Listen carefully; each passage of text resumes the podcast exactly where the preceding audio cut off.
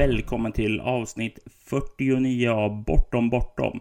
En podcast om rollspel i allmänhet och om Bortom och Leviathan i synnerhet. Mitt namn är Robert Jonsson och eh, jag eh, tänkte börja med att eh, uppdatera läget om podcasten lite. Förra året var ett väldigt skralt år. Tanken var att det skulle bli många fler avsnitt än det blev. Men så blev det inte. Eh, mycket för att eh, jag inte har fått någon form av rutin på inspelningarna och jag tänkte råda bot på det och försöka Ja, ett av mina nyårslöften var att eh, spela in ett avsnitt och ge ut det en gång i månaden och det är vad jag satsar på. Så i år ska ni i alla fall få 12 avsnitt. Och en del i det hela är att uppdatera, ja, eh, själva strukturen på eh, varje avsnitt. Och vi kommer att börja med en inledning som vi nu håller på med. Eh, därefter så kommer det följa, ja, var, varje avsnitt kommer ha ett speciellt tema eh, som diskuteras eh, närmare Ibland med en gäst, ibland så är det bara jag som svamlar. Eh, och eh, efter det så kommer vi ha eh, vad jag kallar för under arbete. Och där jag uppdaterar lite, ja, specifikt om olika bortom och Leviathan relaterade projekt som jag gjort under månaden. Eh, för er som inte är eh, jätteintresserade av det, utan bara är här för det allmänna rollspelstalet. Ja, men då har ni fram till det här att lyssna då. Eh, efter det så kommer jag ha en ny eh, segment som kallas vid spelbordet. Eh, jag kommer där att eh, bjuda in er till att lyssna på ett litet segment från ett av mina rollspelsmöten. Och Ja, utöver det så kommer ni att jag sedan att diskutera lite allmänt omkring det efteråt. Eh, kanske för att belysa något speciellt, kanske en teknik, kanske ett äventyr, eh, ja lite allt möjligt. Men tanken är att ni ska få ja, en liten inblick till både hur man kan spelleda rollspel eller hur ett speltest kan gå till eller bara hur en speciell teknik kan eh, ja, heter det, användas i, i spel då. Eh, I vissa fall så kommer jag ha kvar segmentet minnesstunden där det är där jag har en gäst som är lite mer eh, påläst eller har läst på inför närvarande mötet. Eh, och sedan så har vi en avslutning på det. Och det är ungefär så avsnitten kommer att se ut nu i framtiden.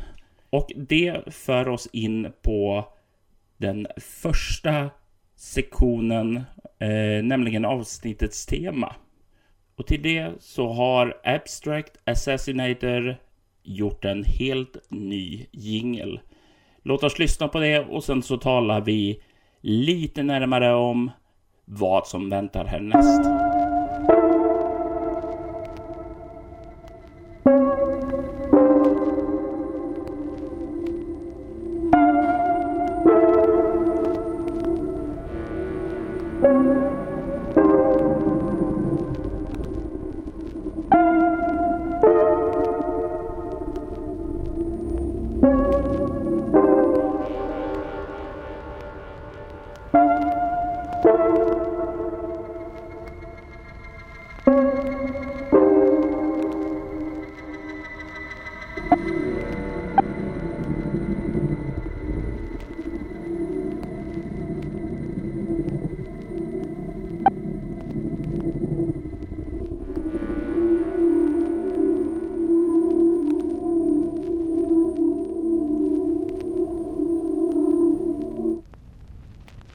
Flesta av er som har följt den här podcasten vet redan vad rollspel är. Men det är inte alla som vet det, utan jag har fått en del frågor. Jag kanske inte just i, genom den här podcasten. Men när jag talar med folk ute och vad heter det, varit i andra sammanhang än just rollspelskretsar så får jag ofta frågan.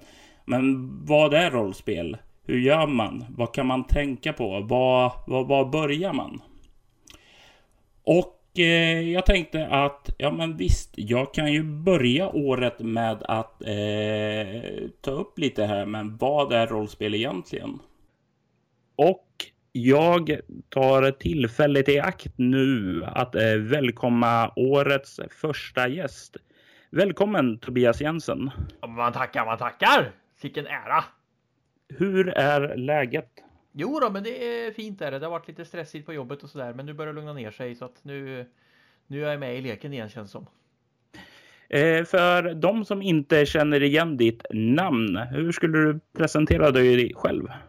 Jag är en glad skit ifrån Värmland som numera bor i Stockholm. Eh, alldeles för gammal. Eh, och eh, tycker om alla spel i alla dess sorter förutom spel om pengar egentligen. Eh, och ja, vanligtvis så, så huserar jag i, i en pro, eh, podcast som heter Spelklassikermusik eh, där jag spelar glad tv-spelsmusik tillsammans med en kollega eller vän. vän. ja, en stor spelnörd helt enkelt.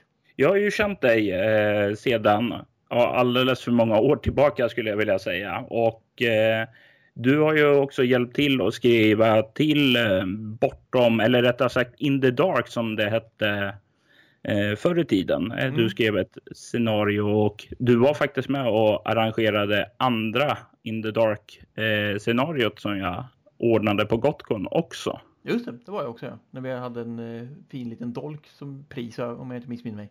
Det är helt sant. Det var du som införskaffade den fina dolken och eh, om ni hoppar in på min Twitter, eh, spela bortom, så ser ni en illustrerad version av dolken som eh, Tobias talar om i min headerbild där också. Oj, så pass? Jajamensan. Eh, men du som sagt var har ju en koppling till hobbyn, även om du kanske inte riktigt spelar lika mycket nu som förr, om jag har eh, förstått det rätt.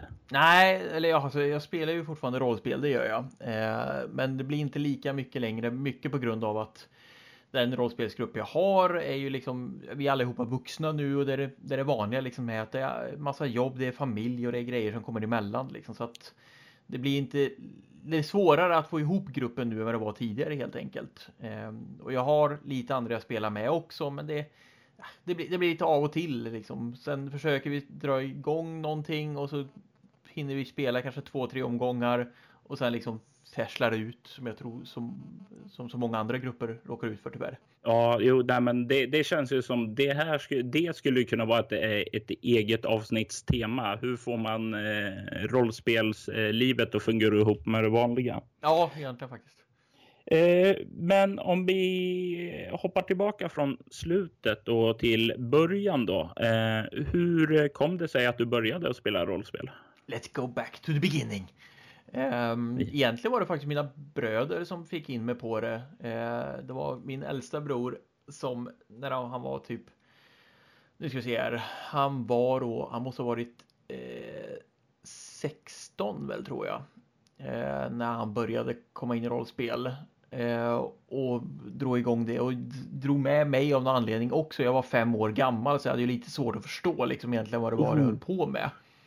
Eh, men jag traskade på där så gott jag kunde och sen så har det liksom bara rullat på helt enkelt. Så att eh, rollspel har varit en stor del av mitt liv ända sedan jag var en liten parvel och sprang runt liksom. Jag, skapade, jag skrev till och med mitt första rollspel själv när jag var sju eller åtta år gammal. Oh. ja, det är ganska skönt att kunna vad heter det, sätta det eh, under sitt bälte. Mm -hmm. Själv skrev man ju många, påbörjade många rollspel, men det var ju inget direkt som blev klart. Så eh, cred till dig. I mitt första rollspel så fick eh, äventyraren välja på om, i början om de skulle gå in i byn eller bygga ett rymdskepp. var... Härlig genreblandning. Ja, verkligen. Liksom. Men eh, om vi säger som så, vad var det första rollspelet då eh, som du startade med? Eh, det var gamla Drakar och Demoner. Eh, jag kommer inte ihåg om det var original svartboxen eh, eller om det var expertreglerna. Eh, men det var Drakar och Demoner i alla fall som jag började med. Eh, och där jag hade min första rollkaraktär som var en halvläggsman som kallades, som hette Uzi. Mm, ja, jo, nej, men jag, jag vill inte heller gå tillbaka och kolla på alla mina namn på mina första karaktärer. Nej, gud nej, det är usch, jag har så många dåliga namn så det är inte sant liksom. Men det, Drakar och var det första, sen kommer jag ihåg MUTANT var jag väldigt tidigt in på också. Mm. Var, var du en sån där som spelade mest eh, svenska eller eh, blandade du in engelska rollspel också då? Eller? I början så var det mest svenska, eller talat. Eh, mycket var äventyrsspels, eh, olika rollspel helt enkelt. Eh, de, de är ju mest kända för liksom Drakar Demoner, MUTANT. Eh, lite senare i åldern så blev det även Kult, blev också inblandat. Yes. Västern körde jag faktiskt också lite grann. Mm. Eh, Men det var, lite, det var väl lite äventyrsspel i och för sig? Nej, det var Lancelot Games som gav ut det. det. Eh, och det var ju ganska mycket saftigare med regler då än vad heter det, äventyrsspelsgrej. Mm. Ja. Eh, nej men det var de svenska rollspelen. De engelska kom in lite senare sen när jag kommit upp lite längre upp i tonåren. Då började de engelska dyka upp också. Så att, eh, och det var mycket för att det var en tröskel att ta sig över det här med engelska rollspel. Liksom, så att, Absolut. Det, om du började som sagt var no- nosa på det när du var fem så hade du betydligt eh, många mer. Alltså jag var 12 när jag började. Jag var ju då hade börjat läsa lite engelska så jag, jag, jag, jag, jag fastnade ju själv som spelare alltid för det svenska då, men mm. spelade mycket av det engelska också då.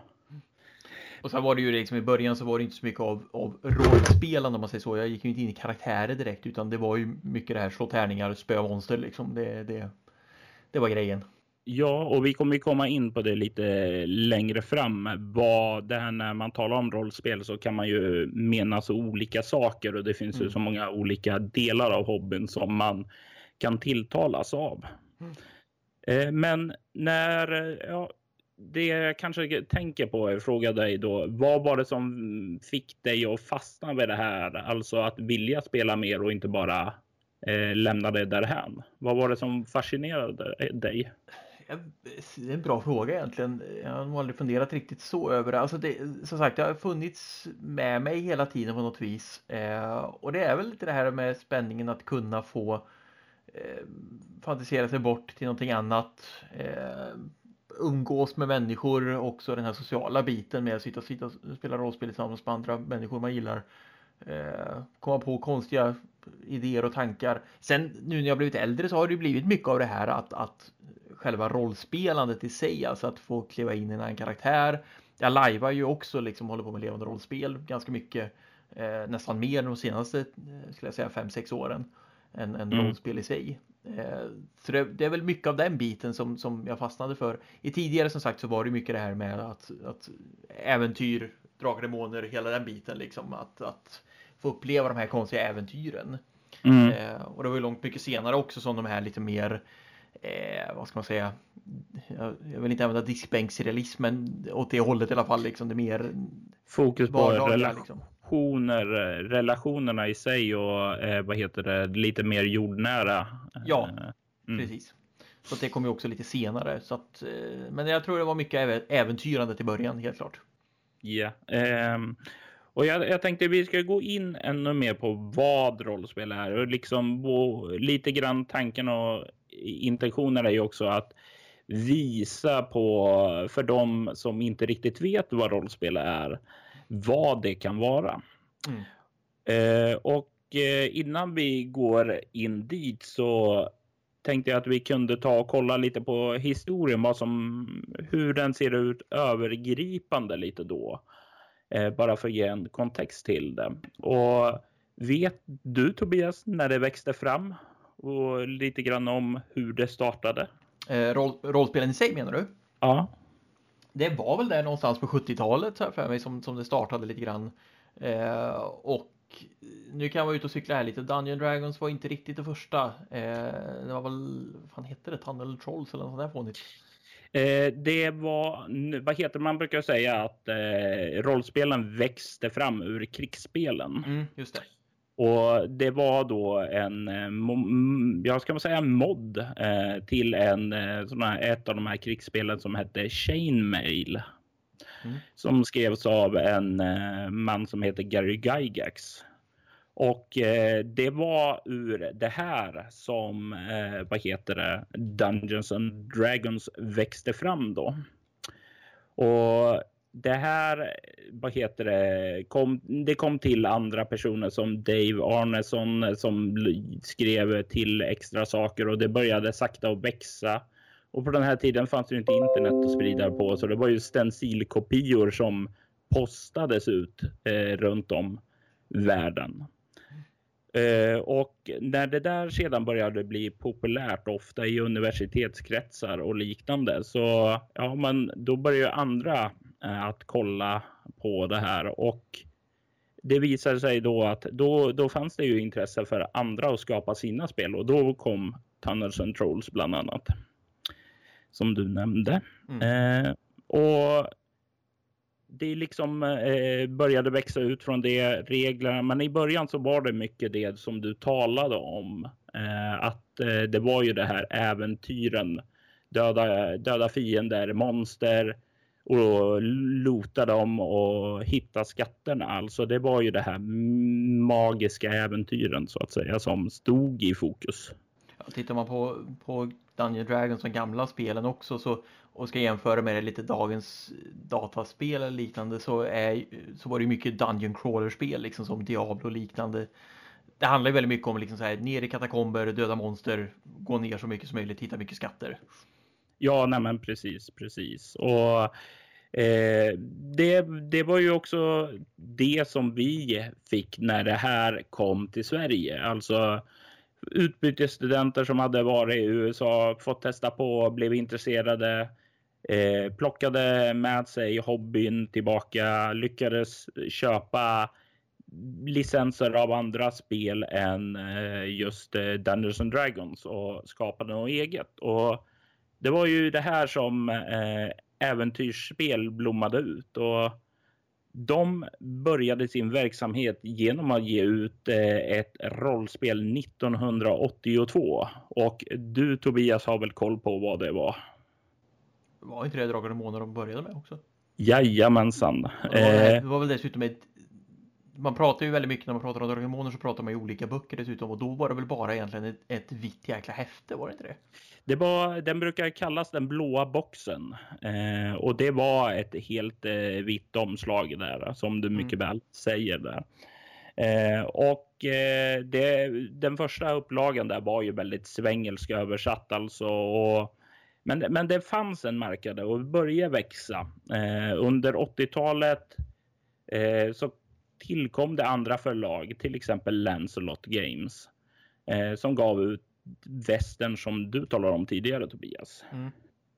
Och under senare delen av 80-talet så brukar man kalla det för rollspelens guldålder. Alltså då såldes det väldigt, väldigt mycket rollspel.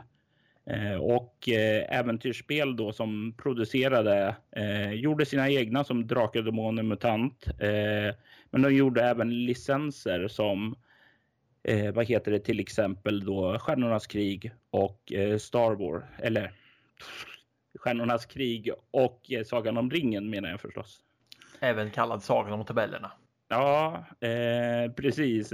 De här innehöll ju definitivt inte de här vanliga reglerna som fanns i de andra spelen som de gjorde själv och det var ju jag minns som liten eh, liten liten ung eh, tonåring att oj, att sätta sig i de här tabellerna och virvaret som både Sagan om ringen och Chock hade. Alltså jag var ju helt vilse.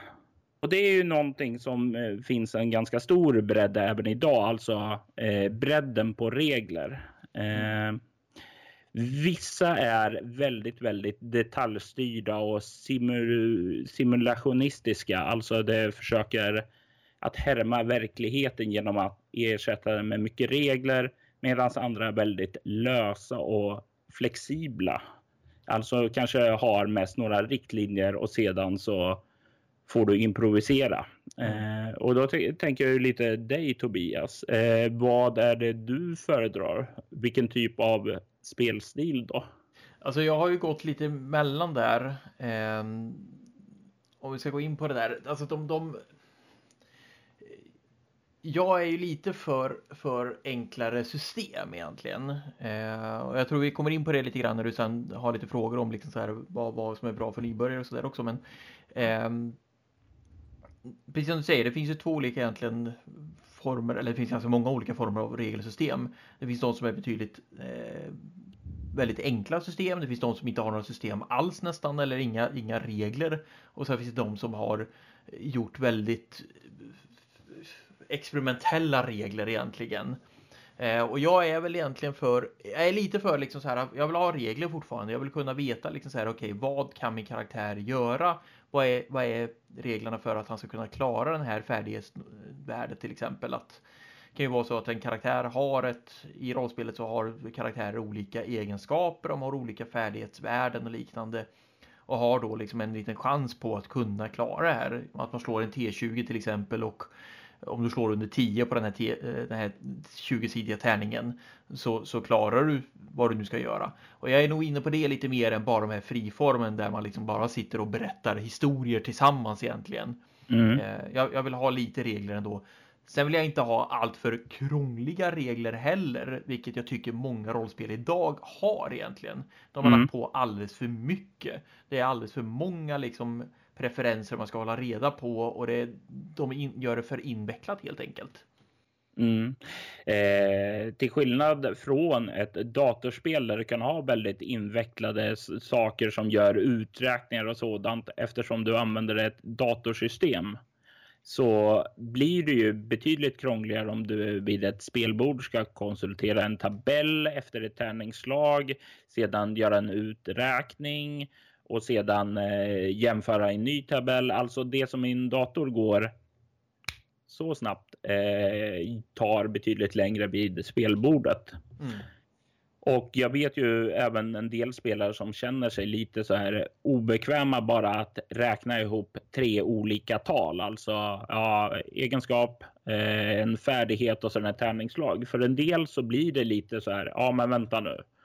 Eh, så det är, det är liksom det är, jag, jag, är lite grann på samma spår som dig. Alltså, jag gillar enkla system under själva eh, spelet.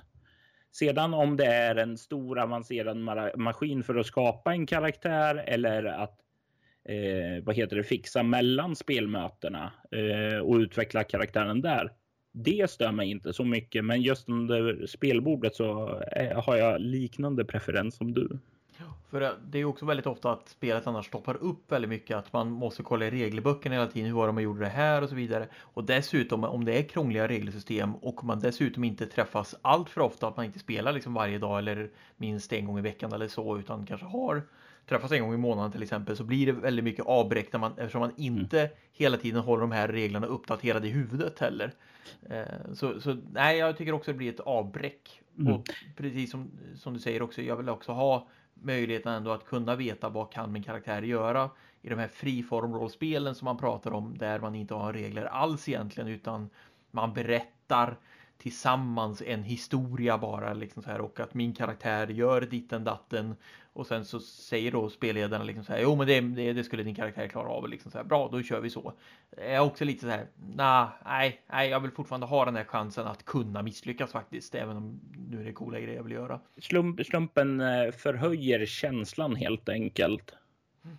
Det var under mitten av 90-talet eh, då som äventyrsspel eh, började, ja, det började gå allt knackigare och till slut så, vad heter det, höll sig inte deras eh, lansering utan eh, de fick, ja, de försökte ju satsa på utlandet och så för att bredda försäljningssiffrorna, men de fick slå igen och det eh, hade växt fram andra eh, rollspelsföretag här i Sverige. Neo Games var väl det största. Eh, när eh, äventyrsspel då var borta och inte glömda men begravda kanske så eh, växte det fram andra. Riot Minds eh, tog över det stora stolta Drakar Demoner och eh, Järnringen tog över eh, MUTANT då från det gamla dödsboet.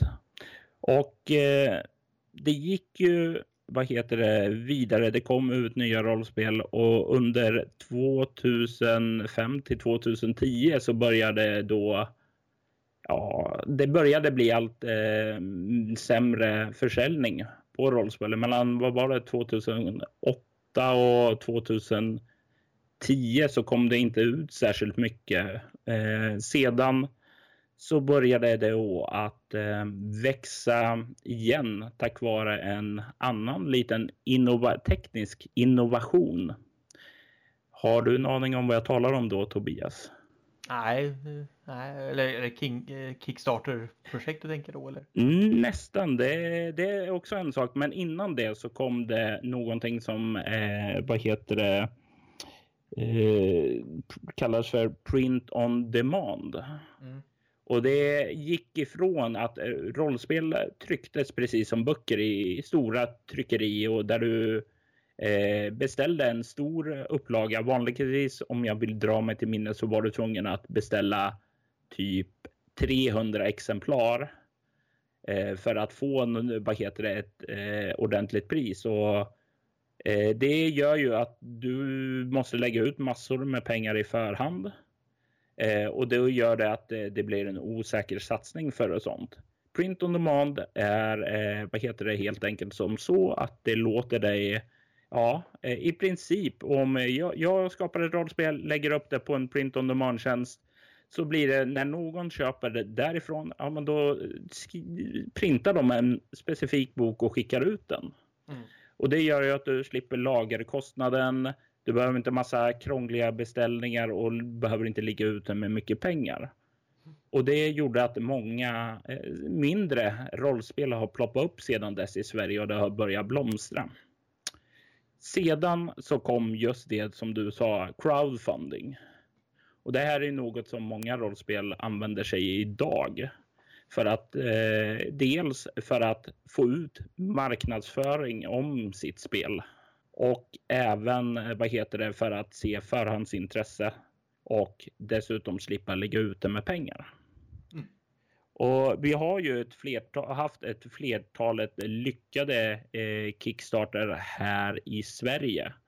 Eh, alldeles för många för att räkna upp här, men exempelvis eh, företaget Fria Ligan har varit väldigt, väldigt duktig på att utnyttja det för att få ut sina rollspel. Eh, när, när var det du började att trappa ned ungefär på eh, rollspelandet Tobias? Efter gymnasiet så, så kom jag till Stockholm, men där, där lirade vi ganska mycket där i början av 2000-talet. Jag skulle tro att det är någonstans där i mitten av 2000-talet och fram till nu som, som det började droppa av liksom mer. Eh, att jag inte var lika aktiv längre. Eh, vi har haft några kampanjer som vi har kört ändå hyfsat mycket liksom. Eh, men no, det, jag skulle säga 6-7 år, 6-7 sista åren liksom har, har verkligen dippat mer. Det har det gjort. Och sen så har live-hobbyn och tv-spelshobbyn tagit över mer och mer helt enkelt. Ja, eh, det blir ju lätt som så. Jag, jag, jag, känner ju igen lite grann det där också, fast tvärtom snarare nästan. Att eh, jag var ju eh, tv-spelare först och sen så kom rollspelet och dödade helt och hållet eh, mitt tv-spelande och sen har det letat till sig tillbaka lite efter det. Mm. Men eh, jag, jag, tänkte ju att det börjar bli läge att komma in på vad rollspel är. Hur skulle du eh, beskriva rollspel eh, för någon som inte har spelat det tidigare, Tobias? Det är svårt också, men, men Ja, egentligen vill jag inte använda den här klassiska, liksom så det, är en, det är en form av teater, för det är inte riktigt heller liksom. Det, det är ett spel där man eh, ett socialt spel där man sitter tillsammans med en eh, ett antal personer sitter tillsammans och skapar en berättelse skulle man egentligen kunna säga. Man har en, en spelledare, en som leder spelet framåt eh, och som har då tillsammans eh, beroende på vad man har, om man, om man har bestämt liksom en, en en genre som man vill spela inom. Eller om man har de här regelböckerna som säger liksom så här att ja, men, Drakar och Demoner det är fantasy, det är typiskt Sagan om ringen eh, eh matinéäventyr liksom. Eh, och sen har du då en spelledare som leder spelet framåt, de andra är spelare. Eh, de har en karaktär som alla har skapat eller fått. Eh, den här karaktären berättar lite om dig själv, liksom hur du är som person, vad du kan, eh, vad du vill och så vidare. Eh, och sen så har då den här spelledaren bestämt liksom ett scenario. Han har bestämt hur, hur ska det här, vad ska det här handla om? Vad, vad ska de här äventyren eller vad det nu kan vara göra för någonting? Men sen så är spelarna med och dirigerar, de är med och eh, liksom påverkar spelet i sig också. Ja, jag måste ju bara fråga nu. Eh, du, jag, jag, brukar ju eh, beskriva rollspel så här. Eh, det är lite grann som en film. Eh, tänk dig att det, det finns en eh, något som kallas för spelledare som är lite grann som en regissör och eh, manusskribent eh, och eh, tar rollen av statisterna. Medan du tar eh, huvudrollen i filmen. Men till skillnad från en film får du eh, välja att göra vettiga saker istället för att gå ned i källaren ensam i den här eh, ja, väldigt spöklika huset och bli yxmördad. Mm. Eh, men du sa jag, jag, jag vill inte presentera det som teater och sådant. Så vad, vad är det som du tycker eh, stör dig med den analogin? Nej men alltså det, det, är ju ändå fortfarande, för när man säger det så blir folk oftast det här liksom så här, oj, måste jag prestera någonting? Och det är inte riktigt det som är saken liksom. Alltså du behöver inte agera egentligen om du inte känner dig bekväm med det. Eh, du kan fortfarande sitta och berätta historier och liknande tillsammans utan att behöva agera som en teater. Ja, ja nej, men det, det kan jag väl köpa för det, det är ju definitivt inte vad det handlar om. Det är inte amatörteater eller improvisationsteater eller sådant. Det, det, finns ju inget som helst krav på att du ska gråta om din karaktär mm. gråter, utan du, det kan räcka att säga att jag, jag, jag börjar bara gråta. Ja. Eh, och det, det, här finns det också ett väldigt stort spektra. Eh, vi har ju de som är väldigt, väldigt gärna vill ha de här teaterinslagen. Mm. Eh, och sedan har vi de som är mer eh, fokuserade på ett mer met metaperspektiv, alltså de som gillar och eh, slå tärningar, de som gillar att eh, vad heter det, använda sig av visuella hjälpmedel som en spelplan och spelfigurer och sådant. De här behöver inte ta ut varandra heller utan allting kan ju vara ett mischmasch och alltihopa också såklart. Liksom, så att... Ja, nej, men absolut. Eh, du kan använda eh, vad heter det, olika perspektiv i det hela. Och det kan ju förekomma i samma rollspel då också. Som eh, jag vet ju i mitt... Eh, jag, jag var, vi var ju inne på det tidigare. Jag gillar också lätta regler eh, i under spelmötet. Men jag har även en liten sån här. Eh, jag gillar också att ha så här taktiska möjligheter att du har något litet spelmoment som du kan spela på. Mm. Och när jag skapade mitt eh, senaste rollspel Leviathan så då brukar jag lägga vad heter det, reglerna på tre nivåer. Dels har du den enklaste nivån där du har ett värde i en färdighet och du jämför det. Okej, okay, det krävs eh, fyra i färdigheten rörlighet för att klättra över det här hindret. Ja, har du fyra? Nej, du har inte fyra. Du kommer inte över. Eh, sedan så finns det vad heter det, nästa nivå som är det som är vanliga så alltså Att du slår en tärning och slumpen avgör. Och det är väl det som är det här lite spännande som eh, många tycker. Men sedan så har jag också en fäbless för just det här med att ha lite taktiska moment, att försöka eh, ja, till exempel i en strid eller i ett annat problem att försöka använda olika strategier och modifikationer och sådant också. Mm. Eh, och det är ju liksom, det är ju så olika. Det är ju egentligen tre olika spelartyper, men det är ju också helt valfritt i vilka man vill använda då. Eh. Ja, alltså för, för det är ju oftast det som står också i rollspelsböckerna där liksom att, att det här är ju bara hur vi har tänkt oss rollspelet i sig eller reglerna i sig. Sen är det ju upp till spelgruppen och spelledaren att ändra det där om de tycker att det här passar inte riktigt vår grupp helt enkelt.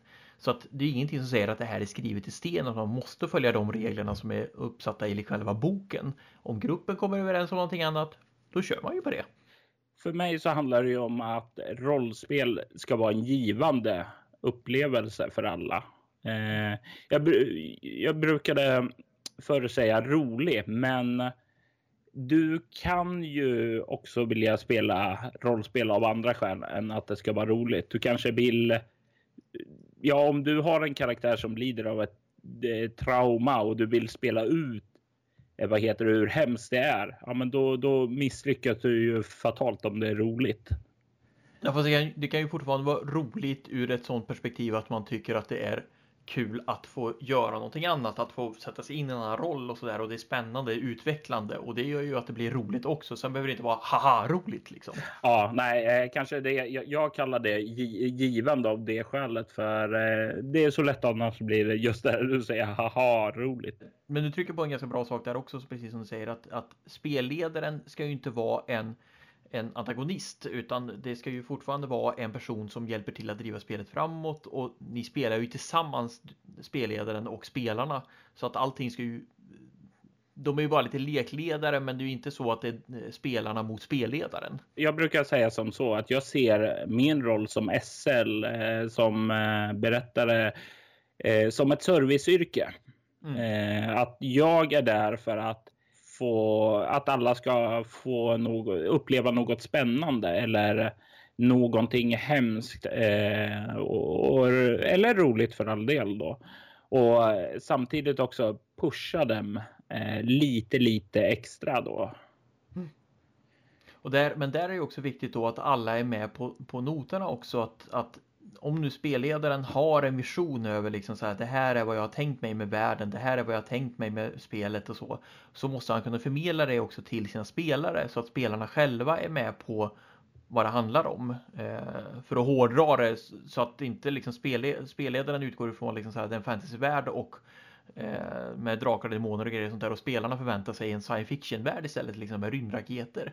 Eh, nu var det väldigt mm. hårdraget men, men det är ändå det här liksom att och samma sak där liksom att, att om spelaren, spelledaren har tänkt sig att ja, men det här ska vara ett scenario, det här ska vara ett, handla om en, en liten by i, i, en, i en fiktiv eh, fantasyvärld. Eh, ibland kallat även för att man spelar grisbonde ungefär liksom. Mm. Eh, att, att det ska vara väldigt lågmält. Det ska handla om relationerna i den här byn. Och sen så förväntar sig spelarna plötsligt liksom så här att jaha, men var kommer själva äventyret in? Var kommer liksom drakarna? Var kommer hela det här köret? Och det kommer aldrig dyka upp.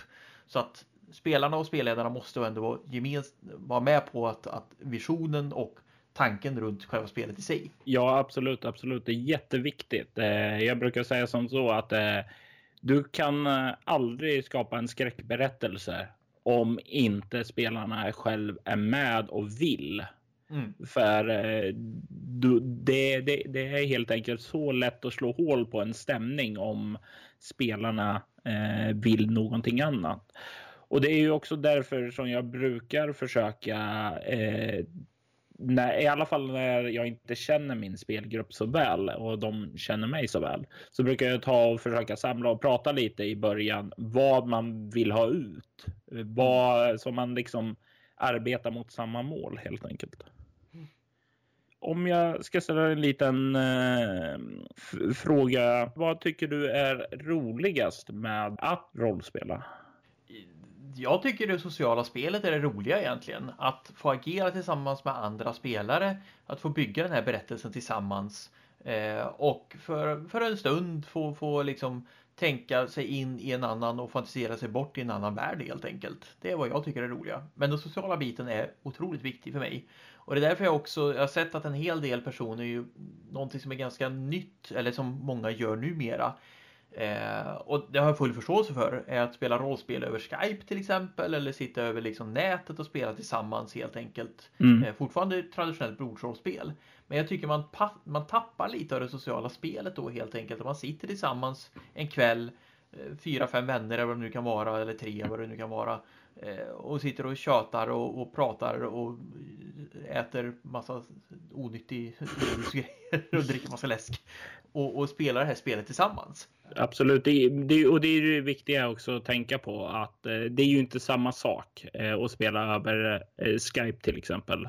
Nej. det påminner ju om det, men det är ju liksom om man försöker ja, ta, ta västen eller E.ON som hade ett väldigt tungt regelsystem Eh, det blir väldigt jobbigt att spela över Skype. Eh, I just över Skype så kanske det behövs någon mer eh, enkla regel och liksom bara fokusera på berättelsen mer än kanske den här sociala samkvädet eller eh, de tunga reglerna så att säga.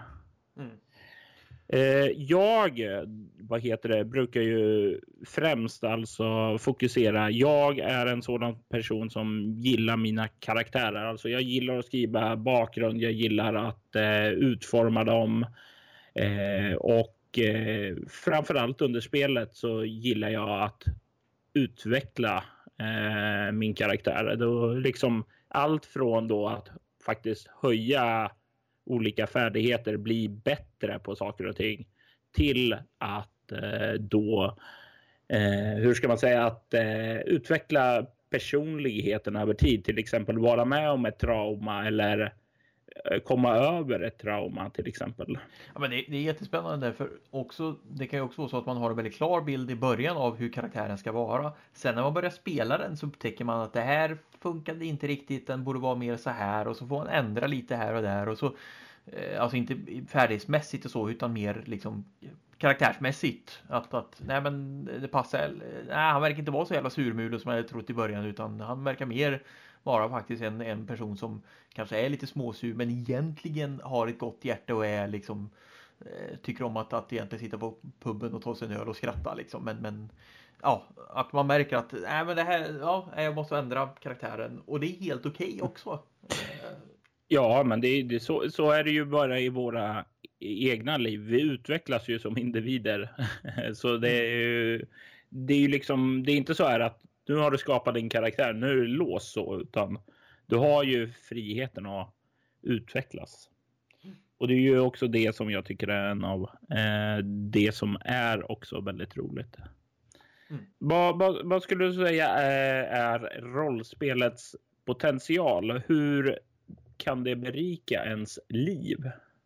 Jag tror för många så tror jag det är just, jag återkommer tillbaka till den sociala biten, att det här, i alla fall för många som när jag var yngre och, och det är det som många pratar om också, att det här är ett socialt sammanhang. Det här är ett sätt att kunna börja socialisera med andra människor.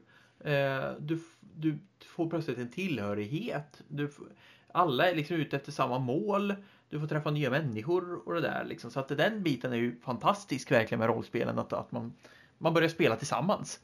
Eh, sen är det ju också det här att, att faktiskt få träna sig på eh, tänka taktiskt, att tänka liksom eh, man får man, eh, för att återgå tillbaka till det här med engelska rollspel. Man läser en jävla massa engelska för det är fruktansvärt mycket konstiga termer som man får lära sig som man inte har kunnat annars liksom. Constitution, dexterity. Precis. Så det finns ganska mycket som kan berika ens liv med rollspelet tycker jag. Jag kan ju bara nicka instämmande att du har bockat av sakerna på min lista här som jag också skriver upp här. Men jag har ju, jag kan ju säga som så att eh, Nej, jag har alltid varit blyg av mig. Eh, väldigt tillbakadragen. Eh, inte den här sociala personen egentligen. Eh, och eh, för mig så har ju rollspelen hjälpt mig oerhört mycket att bli mera utåtriktad. Att eh, våga prata inför folk.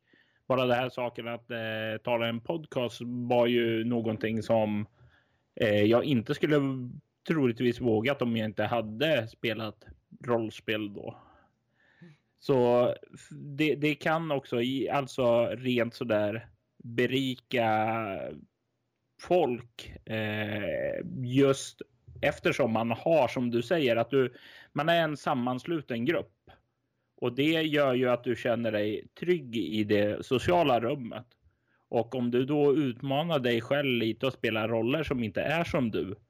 Ja, men plötsligt så kan du få då andra perspektiv. Och det är ju någonting som jag är väldigt tacksam för att jag faktiskt har kunnat tillägna mig. Sen är, det ju, sen är det ju roligt att få testa på att, som säger att vara någonting annat, att faktiskt få vara den där elaka jäveln om man nu inte är det vanligtvis. Eh, bara för att få ut den utloppet liksom.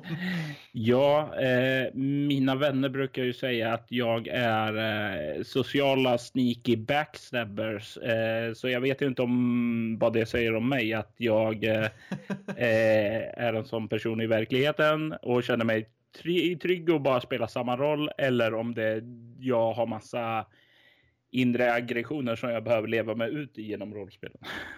Ja, jag, jag har ju på senare tiden fått lära mig att spela ond. I, det var ett tag som jag några gånger har jag försökt och mina kamrater sa liksom så här, men Tobias du kan bara vara Kalle Anka ond liksom, det funkar liksom inte, eller Disney ond. det, det liksom, vi kan inte ta det på allvar. Så att jag har fått träna på det där verkligen med att spela ondskefull. Eh, nu är jag ganska duktig på det måste jag medge ändå, att jag kan vara riktigt jävla jävlig om jag skulle vilja vara det liksom.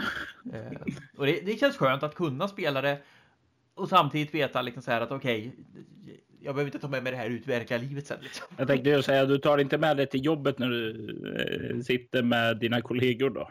Nej, det försöker jag låta bli med liksom, så att det, det nej, det, det får vara. Men sen tänker jag också att, att det är många som börjar oftast när de spelar rollspel att vara spelare. Mm. Eh, och så lite senare så börjar de få idéer och tankar och sen går det över till att bli spelledare. Eh, och det här med spelleda, det är ju ett, också ett, lär man sig ganska mycket på att, att vara liksom en liten ledarroll ändå, att kunna se till att alla har roligt, alla får vara delaktiga. För man får ju ändå liksom en liten, vad ska man säga, ordföranderoll liksom i den här spelgruppen. Absolut, och det, det, det är ju ett ansvar. Eh, så det lär ju dig lite, ge dig lite ansvarskänsla. Eh, som jag var inne på tidigare också, att jag ser det som ett serviceyrke. Mm. Eh, för det är ju så väldigt lätt runt ett spelbord att det är någon som är den här utåtriktad, utåtagerad, kan sitta och orera helt själv under hela spelmötet om han tillåts. Mm. Eh, och då är ju lite grann också eh, berättarens roll att eh, ta och se de andra och frå fråga. Men vad gör du när han står och, och skriker här mot fienden? Vad gör du? Eh, vill du göra någonting? Eh, och liksom sakta försöka dra in alla. För det är ju en gruppaktivitet och jag brukar se det som ett misslyckande som en spelledare om en person går därifrån och känner fan vad tråkigt det här var. Mm. Apropå Kalle Anka ond. Eh, skulle du säga att eh, du ser några faror med eh, rollspel. I början av 90-talet så var det väldigt mycket uppmärksamhet kring åh, men eh, ja, mordet i Bjuv till exempel eh, som skedde då. Och det pekade ut, ja men mördaren hade spelat rollspel och eh, det, det, kult är ju ett hemskt rollspel, eh, predikade livets ord och det fanns ju mycket propagandamaterial eh, från eh, förståsigpåare. Så jag, jag, jag, känner ju så här att eh, jag tycker det är bättre än att bara ignorera det och säga det är dumt att faktiskt ta upp och kolla lite på den här kritiken då som vissa hade eh, emot hobbyn. Så jag tänkte ju, tycker du, vad, vad tycker du dig se för faror Tobias? Ja men de var rätt i alltihopa egentligen. Är det, vi allihopa är jävligt styrka där. Nej men jag, eh, jag förstår lite, eller jag förstår inte men, men det är ju väldigt överdrivet det som de pratar om. Liksom, så långt man inte hårdrar det. Men det är ju det är ju egentligen som med alla jäkla hobbys eller alla jäkla infallsvinklar. Samma det med videospelsvåldet, det är samma sak med filmvåldet. Alltså hela den delen finns ju där. Eh, och det är klart att, att jag tänker inte sticka under stolen med att, att man rollspelen lockar fram lite underliga figurer hos folk ibland. Eh, det, på något vis så är det också lite kufiska människor som, som drar till rollspel och live. Jag har ingen aning varför, men det är så i alla fall. Och jag tror att det har att göra lite med, med den här gemenskapen, att de hittar plötsligt en gemenskap som de inte varit med om tidigare. Eh, men i stort så tycker jag inte att det finns några större faror med rollspel på det sättet. Men eh, du får gärna eh, motbevisa mig. jag, jag, jag, brukar ju säga som så här att eh, jag, jag, ser det inte som att hobbyn i sig är farlig. Däremot så finns det ju individer som inte bör spela rollspel. Alltså alla har ju inte en sund grund att stå på. Eh, har du, vad heter det, ja, eh, vissa mentala problem eller sådant eller har haft en väldigt, väldigt hemsk uppväxt eh, så kan det ju vara att eh, man blir påverkad. Eh, men det är ju inte rollspelen i sig då som är boven till det, utan det blir ju då snarare bara ett medium där det mm. levs ut. Så det är ju liksom det, det som jag snarare tycker med eh, det om man om man nu känner att okej, okay, jag ligger inte i en riskgrupp för att bli påverkad. Eh, för då, då ska man ju ta kontakt med mental sjukvård, alltså försöka få bot på det där. Men jag brukar ju också säga så här för andra personer som hamnar i en situation kan ju snarare eh, riskerna vara med att man har sociala normer som mm. man eh, vad heter det, bör tänka på innan man spelar. Alltså, en del är ju eh, vad heter det, väldigt fysiska i sitt rollspelande som kan ta vad heter det när de ja, agerar ut liksom tar folk, eh, ja, tar strupgrepp på folk eller börjar smeka dem vid spelbordet. Och det här är ju någonting som om man inte är väldigt bekväm med varandra så kan det ju verkligen, verkligen slå fel. Men jag funderar på om det är så vanligt inom rollspelen. Jag tänker att det är ju mer sånt i så fall inom livevärlden. För där spelar man ju i mycket, mycket större grupper. Alltså, eh, där träffar du ju andra lajvare på ett helt annat sätt. Alltså, det kan ju vara liksom upp till 150-200 deltagare. I de här, när man spelar rollspel så är man ju oftast inte mer än liksom 5-6 personer max liksom oftast. Och oftast så känner ju, känner ju folk varandra hyfsat också där i det fallet. Eh, jag, jag, kan ju tala utifrån ett eget perspektiv eh, som, eh, vad heter det, konventsarrangör. Mm, ja, i och för sig. Det, mm, jag kan köpa det i och för sig. Ja. Så där, där, där har man sett både ett och annat. Eh, varit med om allt från grupper som har tagit fram eh, ljus och börjat elda där och dragit igång brandalarm och eh, folk som har kastat stolar på varandra. Eh, och det är liksom där, där kanske man ska vara lite eh, försiktig och liksom etablera. Eh, jag brukar som sagt vara inför varje spelmöte på ett konvent där eh, ställa sådana här frågor som okej, okay, eh, vill ni att jag ska sitta eller stå? Eh, eller, kommer, eller ni kasta, kommer ni kasta stolar på varandra? Precis. Eh, är det okej okay om jag rör vid er och har fysisk kontakt? Alltså bara för att känna av saker och ting där. Mm. För det kan ju vara väldigt integritetskränkande. Absolut. Jag skulle vilja säga som så att alla de här stora nyhetsvarningarna och sådant som var, det är ju det är egentligen som du var inne på det är ju den här moralhysterin som går eh, vad heter det, genom eh, ja, varje generation. Hårdrock, eh, videoboll, tv-spel, eh, krigsleksaker eh, och hela den här konkarongen. Eh, och det, det, jag tycker det, det här är ingen hobby som man bör vara rädd för, utan det här är någonting som eh, du... Det finns så mycket som kan främja dig istället för att sänka dig. Mm. Sen kan det ju uppstå en del konflikter inom gruppen såklart också, liksom att man inte är överens om ett, en regel till exempel. Eller alternativt man tycker liksom så här, men varför agerade du så här med din karaktär mot mig? Det var ju helt jävla uppåt väggarna liksom. Eh, så att sådana saker kan ju dyka upp också, men det är ju inga faror i sig, utan det är ju mer, där handlar det ju mer om att liksom fixa det i gruppdynamiken och det är också ett bra sätt att lära sig om olika olikheter och att kunna respektera varandras spel och så vidare också. Liksom. Ja, nej men absolut. Och det är ju en av de här viktigaste, viktigaste reglerna runt ett spelbord är att eh, om jag gör någonting negativt mot din karaktär så är det inte mot dig personligt. Utan man får skilja väldigt mycket på spelaren och karaktären. Mm. Så, länge, så länge man kan också motivera liksom så här, varför skulle min karaktär göra så här också så att det inte bara blir istället liksom så här att, att nu gjorde jag bara för det jävlas med dig. Liksom. Ja, ja nej, men absolut. Eh, men, men då är det ju då är det ju nästan på gränsen att det är mer mot äh, spelaren än äh, karaktären. Precis, precis. Om det nu inte är som så att vi har skrämt bort alla potentiella rollspelare eh, så tänkte jag fråga dig Tobias. Vad, vad, vad, krävs det egentligen för att börja spela rollspel? Jag tror att tröskeln för att börja själv helt och hållet utan att ha någon som kan introducera en är ganska hög tyvärr. Eh, det är svårt att sätta sig in i rollspel om man tar bara några vänner, har en bok och sätter igång liksom och ingen har spelat rollspel tidigare. Jag, det funkar säkert, men det kan vara svårt. Jag, jag, jag känner igen det här. Eh, fick mitt första rollspel 88, tror jag, eller 87 eller 89. Såg jätteballt ut, fick det, läste det, förstod ingenting. Eh, ingen aning hur man skulle fungera. Och det fanns ja, men hur, spelplan och så. Hur fungerar det här?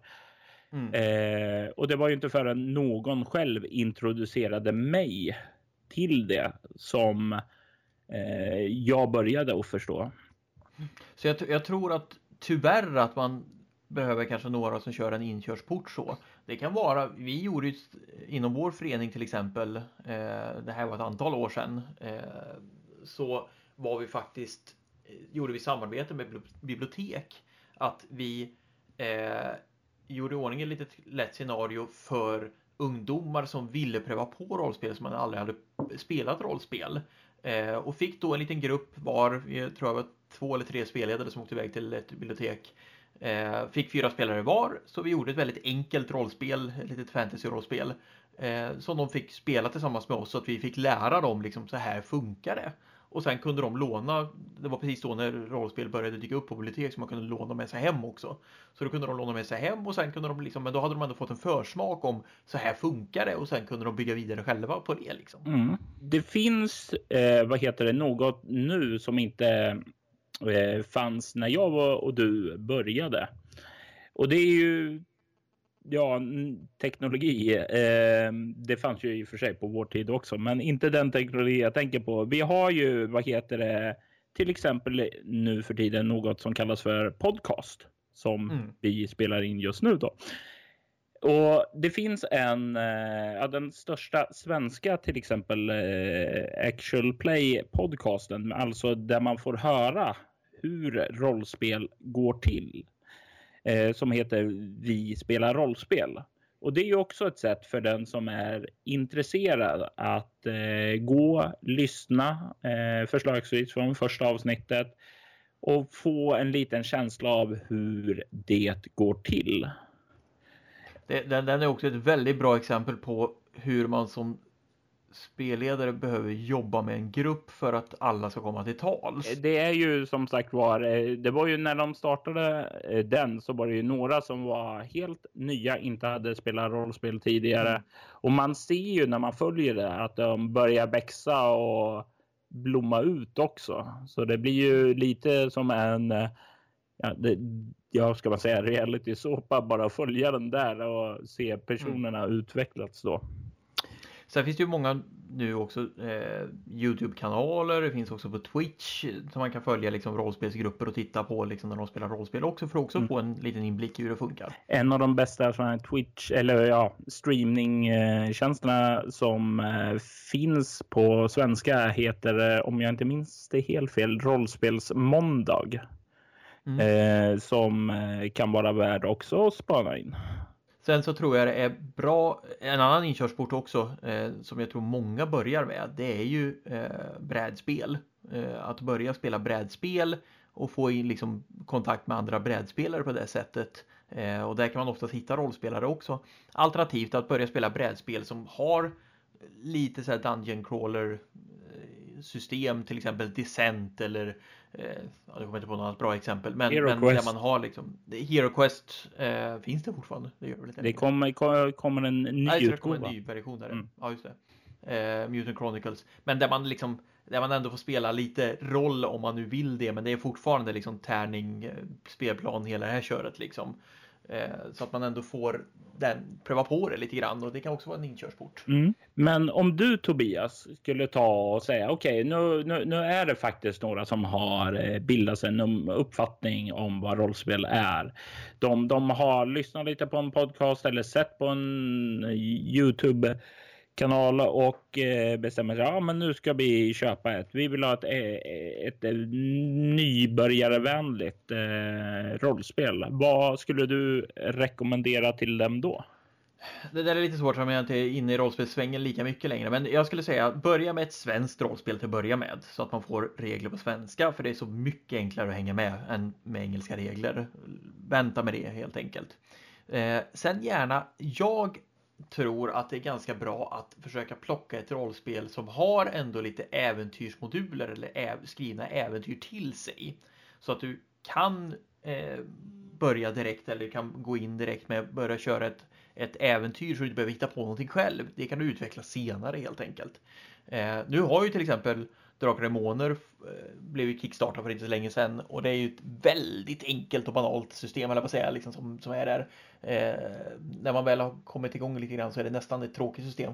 Men, men det är ett ganska bra, bra enkelt system skulle jag säga. Eh, sen fin, vet inte jag om de här fortfarande finns kvar. Eh, fanns ju några sådana här enklare system också som, som eh, vad heter det nu då? Det är som det här Västerås stift gav ut och det. Eh, just det, eh, vägen. Ja, till exempel. Så att det finns ju ändå lite enklare rollspel att kunna utgå ifrån. Och sen kan man hoppa på lite svenska rollspel som kanske är lite, har lite mera djup. Eh, eller mera regler och sådär om man vill nu det, västern och så vidare liksom. Så att, eh, och sen att man går vidare till engelska rollspel också. Sen tror, någonting som jag tänkte på mer på det här med eh, bra för nybörjare. Mm. Eh, det gjorde de en ganska, jag tycker de gjorde väldigt eh, att eh, Anna-Karin eh, Karakulis eh, gjorde ganska väldigt bra ifrån sig. Hon var ju med i P3 Spel och pratade rollspel. Mm. Eh, och hon utgick ju, när de skulle spela ett rollspel där, så utgick hon, skrev hon ett litet enkelt scenario som utspelar sig i nutiden. Och det tror jag också egentligen är bra inkörsport eller bra att använda någonting som man känner sig bekväm med, någonting som man liksom kan relatera till. Man vet hur världen fungerar, man vet hur världen är uppbyggd och hela det här köret. Eh, det kan vara lite tuffare med, med fantasy, rollspel och science fiction. Eh, att, att det ligger väldigt långt ifrån en själv. Eh, nu kanske man har liksom sett Sagan om ringen-filmerna som man har hyfsat koll sådär liksom. Men att hitta någonting som man känner sig bekväm med också. Mm. Det är ju bra tips där. Väldigt bra generella tips och jag kan nicka instämmande Men. i fler. Nej, jag tänker inte säga emot det. Eh, för det är bra sen. Jag har ju, eh, vad heter det? Det finns ju så oerhört många bra saker att eh, rikta in sig på. Nu, nu blir bara en sån sak att vi har eh, spel som eh, spelet om Morwale eh, och eh, äventyr eh, som eh, är för yngre målgrupper. Eh, bara det är en eh, sak om man vill introducera till exempel sina barn till det. Annars så finns det ju möjligheter att vad heter det, introducera eller bara ladda ned och titta på olika rollspel som både bort, mina båda två första rollspel, Bortom Lugnens slöja och Leka med elden, är ju gratis att ladda hem ifrån eh, mylingspel.se då, eh, eller på bortom.nu. Och det, där har du ju också som du säger då att det finns väldigt många gratisäventyr också att eh, plocka fram eh, och spela och fortsätta så man blir varm i rocken Mm. innan man börjar hitta på egna. Eller rollspel, eller också skaffa rollspel som tänkte jag på som har med eh, alltså som är baserade på, på, på populärkultur till exempel. Som man själv känner igen på en gång, liksom så här Harry Potter eller Buffy. eh, ja, Sagan om ringen, Buffy, ja alltså vad, vad som helst, liksom så här, där man ändå har sett serier, man har läst böckerna, man, man vet väl liksom är, hur ska den här världen vara uppbyggd liksom. Ja, jo, nej men det, det var inte ett dumt, eh, dumt. Men börja snälla inte med Sagan om ringen då. Nej, det, den är kanske lite halvjobbig liksom, men, men jag vet inte hur de nya reglerna har varit som har släppts. Nej, eh, alltså generellt så är ju många, det finns ju mycket bättre eh, pedagogik i dagens spel än det var på 80-talet eh, så att säga. Så det är ju, det är ju lite, eh, hur ska man säga, spelen är bättre idag på att eh, försöka inkludera läsaren i vad de egentligen vill uppnå. Mm. Någonting jag inte skulle rekommendera, ja. det är rollspel som där du har egentligen, man kall, ska man kalla det öppen värld, alltså att ni bestämmer tillsammans vad det ska vara värld och vad ska vara, hur det ska fungera och så vidare. GURPS var ett sånt rollspel till exempel. Mm. Eh, och nu finns ju ett som heter Unbound till exempel. Mm. Eh, det är jäkligt krångliga system att använda sig av ärligt talat. Eh, Unbound är någonting som vi håller på att sätta oss in i nu. Ett, eh, det är också ett Kickstarter-spel. Mm. Eh, och det utgår ifrån att man använder vanliga spelkort för att bygga en värld tillsammans och sen så bestämmer man saker tillsammans. Vi har suttit en hel jäkla kväll bara för att försöka komma underfull med liksom så här, okej, okay, vad är det vi vill spela i för värld? Eh, och det slutade med liksom att vi har en alternativ första världskrigen värld liknande fast inte jorden där hela vi använder oss av att vi har en vi har upp i våran land så har man upptäckt en Gaia kraft av något slag som vi plockar upp ifrån underjorden och vi har lagt en massa andra länder vid våra fötter för de vill köpa den här kraften av oss och vi spelar några typiska KGB eller SS-agenter. Alltså det, det blev väldigt invecklat och det blev verkligen så här. Man bara, vad är det vi har bestämt egentligen nu? Så det, det, det är inte i själva systemet där som du stör dig på, utan det är just det här att man, det är att man själv etablerar världen.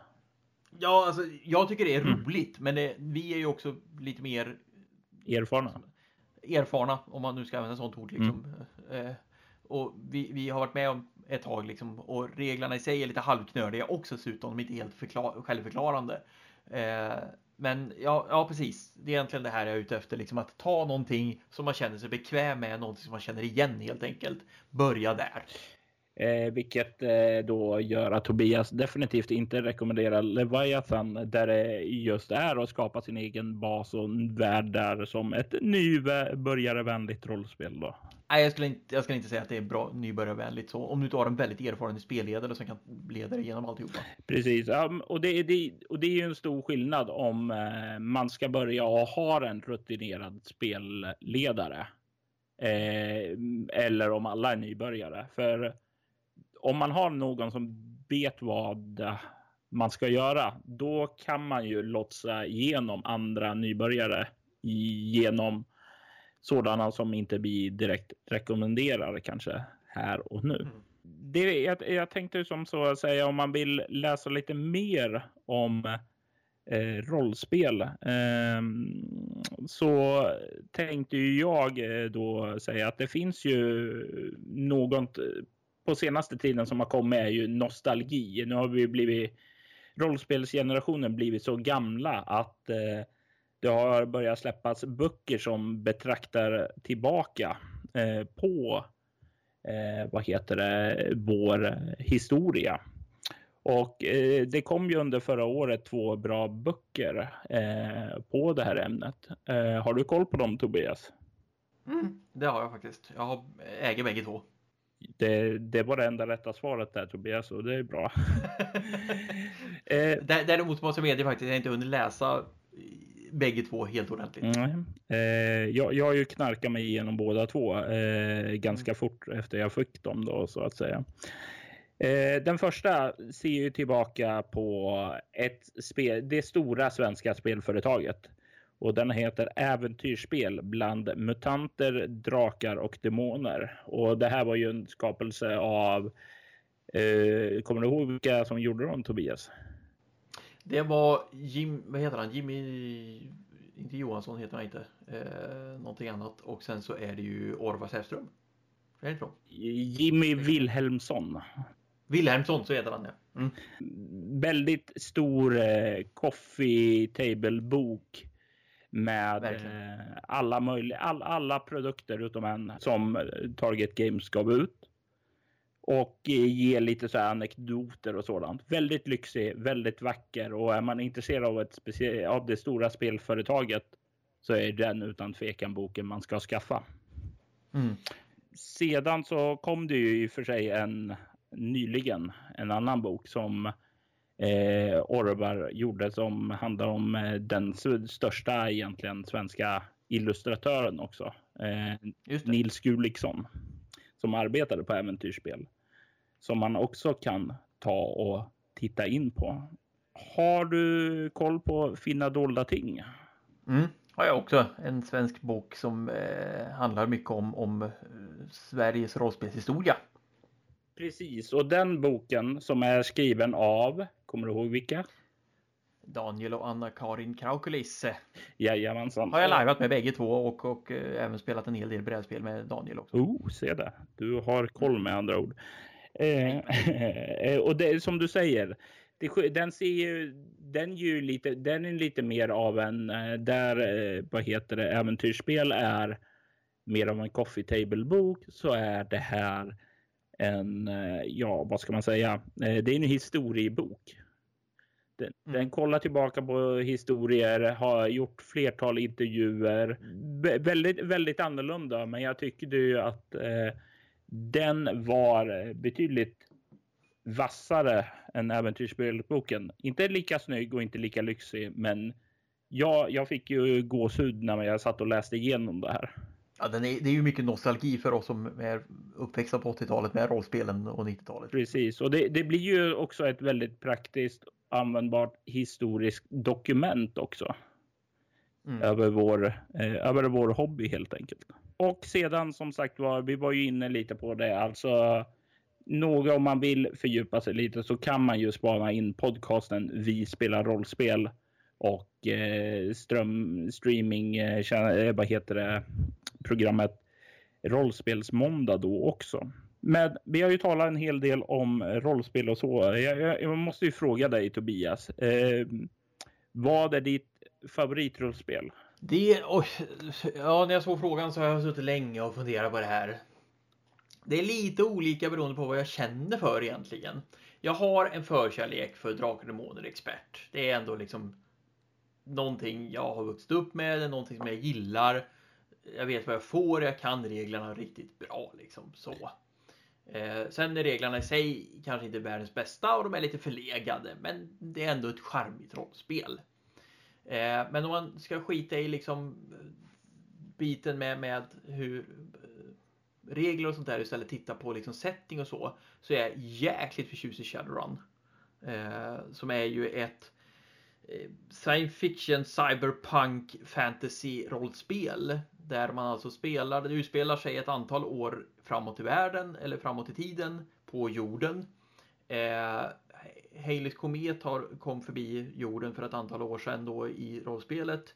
Vilket gjorde att plötsligt så vaknade en massa krafter till liv. Magi blev plötsligt aktivt igen.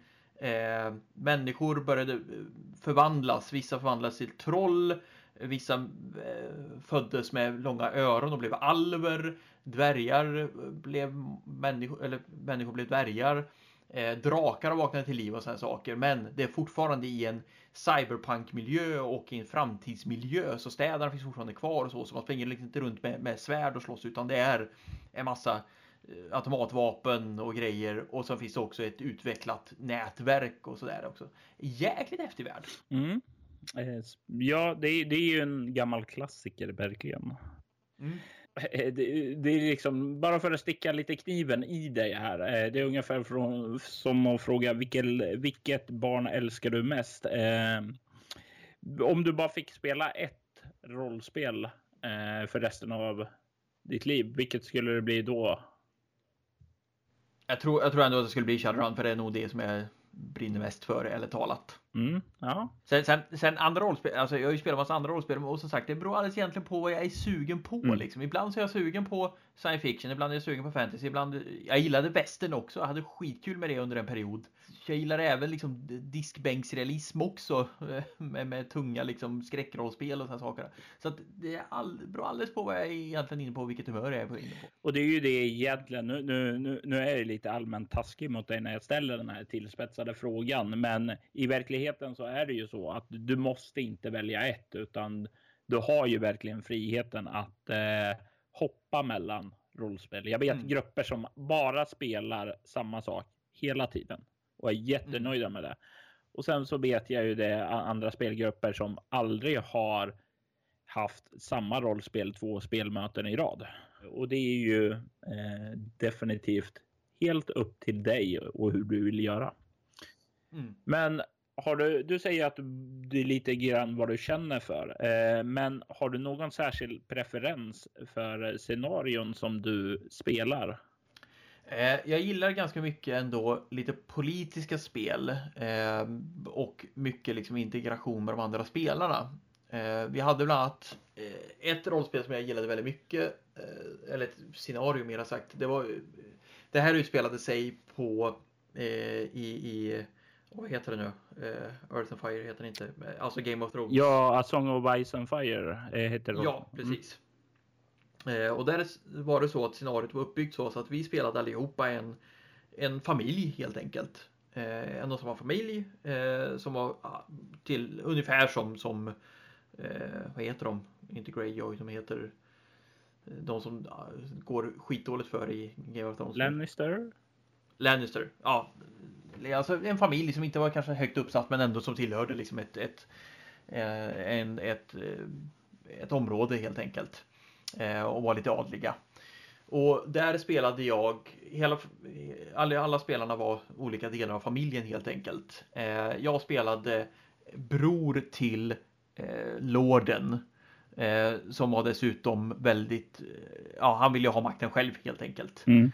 och så hade jag en min, min brorsdotter var med och spelade, en karaktär som var brorsdotter. Sen var det en karaktär som var eh, vaktchefen. Eh, vi hade liksom en, en magiker som var med, eller en lärd man som var med och så vidare. Eh, och det var mycket liksom spel i familjen eller i det här huset om man säger så hela tiden. Mm. Och det var asroligt verkligen. Vi hade skitkul. Och det var där bland annat jag fick lära mig att spela riktigt jäkla ondskefull. Jag hade bland annat ihjäl eh, min brorsdotter, eller min karaktärs brorsdotters eh, älskare för han tillhörde en annan familj.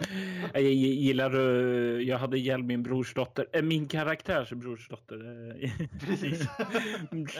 Förtydliga det. Eh, nej men, men nej, sociala spel. Jag gillar mycket sociala spel. Eh, är du den man då verkligen ska vara orolig för och kommer att backstabba den då?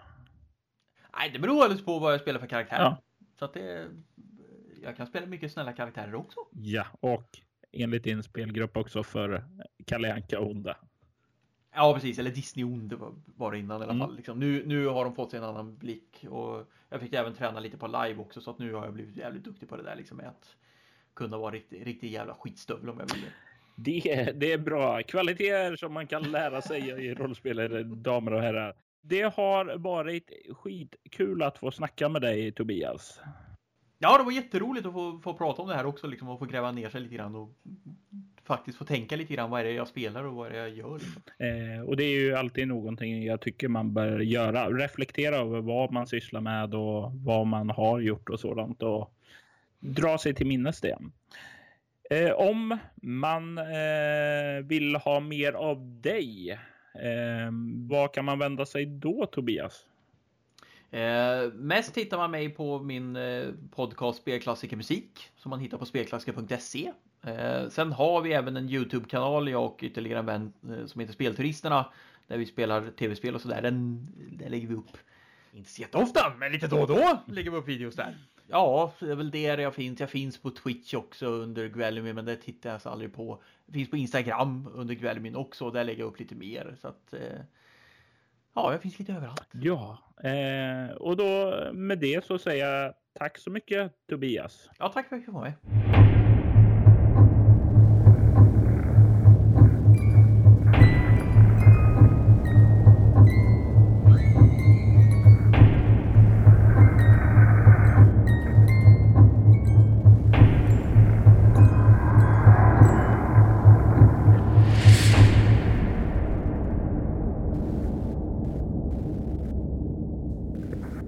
Den där gingen kommer från och med nu betyda att det är dags för segmentet vid spelbordet.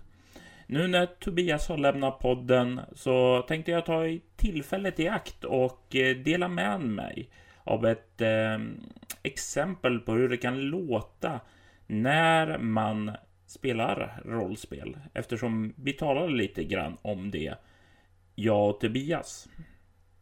Och Eh, det här är ifrån en annan podcast eh, som eh, vi har nämnt tidigare i avsnittet. Det här är från Vi spelar rollspels eh, spin-off podcast som jag hade äran att få medverka i under förra året. Där så bjuder de in spelskaparna, därav namnet på deras spin-off-podd, Spelskaparna, för att eh, tala lite om sina egna spel och därefter spelleda ett scenario i det. Och eh, ja, eh, jag tänkte att vi skulle ta och lyssna lite grann bara för att ni, eh, kära lyssnare, skulle få en känsla för hur det kan låta när man spelar rollspel.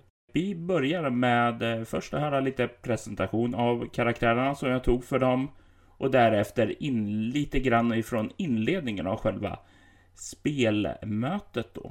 Scenariot som vi ska spela eh, heter det Lyriska blodet och eh, utspelar sig i en liten, litet, litet rike i Bergsdal som befinner sig mellan Grekland och Albanien. Det är ett rike som lever i isolation. De har inte mycket alls med att göra med omvärlden. Karaktärerna är två lokalinvånare eh, som bor i den här och lever i en eh, värld som i stort sett ligger på en medeltida teknologi. Och har ingen egentligen erfarenhet av världen där utanför. Till det här riket har det nu kommit två utbölingar som inte känner varandra. Utan de kommer dit för att göra sina saker. Och har nu tagit in på tavernan och fått eh, sova där för natten. Och eh, det är på eh, natten som vi kommer att börja spela. Och jag kommer introducera karaktärerna en efter en då. Mörkret har lagt sig över det lilla riket Illyrien. Människorna sover. Det är lugnt, tyst och fridsamt på det lilla, lilla värdshuset som syskonen Fasliu eh, har skött under hela sin uppväxt och sin vuxna liv. Alla sover. Och det är det, det, är, vad heter det, lite spända förväntningar vad morgondagen har att komma med. Det är två utbölingar. Inte bara en som kom hit till er. Utan det var två och de verkar inte känna varandra. Vad är det som pågår här? Eh, större delen av natten har förflutit. Det är inte riktigt morgon än men ja, ni, ni har ju inte riktigt klockor eh, här på samma sätt som vanliga människor utan det går ju lite mer i det stilla vardagliga lunket. Men för ni som aktörer så tänker jag att det är lite grann framåt fyra, tre, fyra på morgonen. Och ni väcks av att det borta utifrån skänkrummet eh, någonting som brakar till rejält. Det är ungefär, jag tänkte någonting som flertal stolar välter omkull. Eh, ni sover ju separata rum bakom själva skänkrummet då. Eh, och det hörs ganska tydligt för er båda där att någonting sker ute i ert skänkrum. Det är definitivt inget som brukar vara normalt. Mm. Eh, utan det är ut, något extraordinärt helt. Eh, och det är jag och syrran som eh, hör detta? Ja, precis. Vi sover inte i samma rum? Nej, nej, utan ni har det, dörrarna rätt emot varandra. Uh, ja, jag har ju min, uh, min långa nattskjorta på mig. Uh, som går ner till knäna. och har mina lurviga ben under den. Så jag... Ah, vad är nu detta? Är det de här utbölingarna som har ställt till med någonting? Jag får gå upp här. Så jag vräker mig ur sängen och sliter av mig den här nattmössan. Och så slår jag upp dörren och ser mig omkring. Och sen bankar jag på eh, Jehonas dörr. Ja, jag vaknar också då av ett ryck. Och, av vanan är jag Tack Dionysus. Så går jag och öppnar dörren. Bror, vad är det för ljud? Ja, det här... Vi får gå och kolla vad detta är och hoppas att det inte är någon av främlingarna som har ställt till med någonting. Eh, Kom, eh, jag går först. Ja. Du behöver hålla dig lite bakom mig här så att du inte råkar ut för någonting som kan skada din bräckliga ram. Eh, Absolut. Ja. Och du vandrar ut i skäckrummet och du, du kan redan se, vad heter det, när du kommer ut där att flertal stolar ligger eh, omkullvräkta och ligger på golvet där. Och när du tar steget in i rummet så känner du hur dina nakna fötter trampar, inte på, ja, på trägolvet, men trägolvet är vått. För du kliver i någonting fuktigt. Ugh! Och du kollar ner och det ser din fot är täckt av någon svart vätska. Ja, och du känner ju igen den här svarta vätskan. Det är ju ert blod. Det är någonting som är blodigt här på golvet. Och du kan se där nere i de här blodpölarna i ert svarta blod att eh, det är någon som har trampat och liksom rört sig uppåt. Uppåt till övervåningen där främlingarna sover. Eh, du kan se blodiga stubbeltramp. Men jösses. Men det, men det är inte, det är ju inget eh, blod från en kropp detta utan det är liksom eh, det, eh, det som kommer från svartbären som är på hela golvet. Du... Det skulle kunna vara svartbären. Det skulle kunna vara blod. Ert blod är ju svart. Ja. Eh, och alla möblerna är, de är om, omkullvälta och omkullslagna liksom. Ja. Gå, gå, ser det ut som att någon har gått genom eh, Finns det liksom ett spår genom förödelsen? Du börjar kolla och tänker ja det skulle kunna vara någon som har dragit gott och verkar vara på väg uppåt. Ja, är ytterdörren öppen? Nej, eh, dörren är utan det kommer från bakdörren. Okej. Ehm, eh, Jehona, går du och låser bakdörren? Och så går jag upp och kollar vad det är med främlingarna. Det här är ju skandalöst. Okej. Eh, jag har också, utan att någon annan vet det, en kniv instoppad i min lilla klänning Mm. eller vad man har. Ja, det, har jag någonting... Jag, jag försöker se mig om efter närmsta tillhygge, typ en... Eh, jag vet inte... En brödkavel eller en hammare eller någonting. Absolut, det finns ju Johannas brödkabel ligger ju där efter hon bakade igår. redan. Har vi någon eh, lykta eller någonting i närheten också? Absolut, det finns ju ingen elektricitet Nej. här utan det är ju oljelyktor och sådant. Så du plockar upp en oljelykta där. Ja, jag, jag plockar upp en oljelykta och en brödkavel och så börjar jag röra mig försiktigt upp för, eh, för trappan och så ropar jag Vem där? Eh, ja, och du går bak och eh, låser dörren. Yes, väldigt vaksamt. Eh, som sagt var, när du börjar kliva iväg där så ser, lämnar du också ett sånt här Spår. eh, spår efter Ja. dig eftersom du har trampat Ja, mitt i geggan. men det får Johanna städa upp sen. Det behöver inte jag oroa mig om. Jeffrey! Du somnade in och det, det tog ett tag för dig att somna. Du skruvade på det efter jetlagen från din eh, flygresa från USA till Europa. Och du har sovit en stund, lagom så här för att det ska... När du väcks så är det, ja du är utvilad men du skulle gärna vilja dra dig lite, lite längre. Men du väcks av att det verkar vara ett krafsande ljud utanför i korridoren som någon drar sina naglar längs en dörr. Hjälp. Tji! Ja. Eh, ja, jag stannar och lyssnar lite till. Du hör.